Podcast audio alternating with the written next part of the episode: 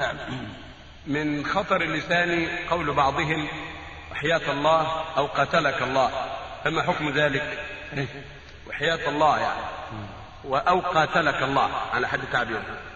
هذا كلام فيه تفصيل. اللسان أخطاؤه كثيرة وأغلاطه كثيرة لكن وحياة الله ليس من أخطاء اللسان.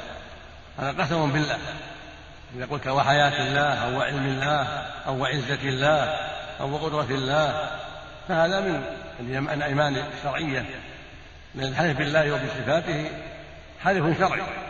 أما قل قاتلك الله أو لعنك الله أو أخزاك الله هذا منكر.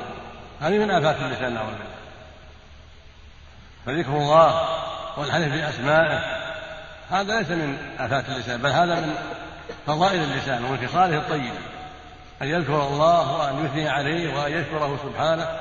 وهكذا الحلف به عند الحاجة الحلف يحلف به سبحانه.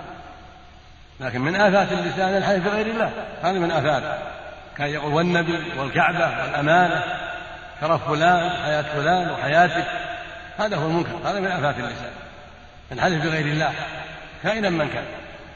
يقول النبي صلى الله عليه وسلم من كان حالفا فليحلف بالله أو ليصدق واللفظ الآخر فلا يحلف إلا بالله أو ليصدق ويقول صلى الله عليه وسلم حلف بغير الله فقد فقد كفر وأشرك.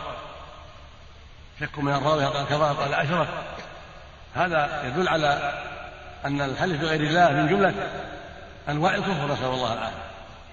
فالواجب الحذر من ذلك وأن لا تحلف إلا برب سبحانه وتعالى. وقال أيضا عليه الصلاة والسلام من حلف بالأمانة فليس منا. قال لا تحلفوا بآبائكم ولا بأمهاتكم ولا بالأنداد ولا تحلفوا بالله إلا وأنتم صادقون. نعم. نعم. حياة. من صفاته والحي القيوم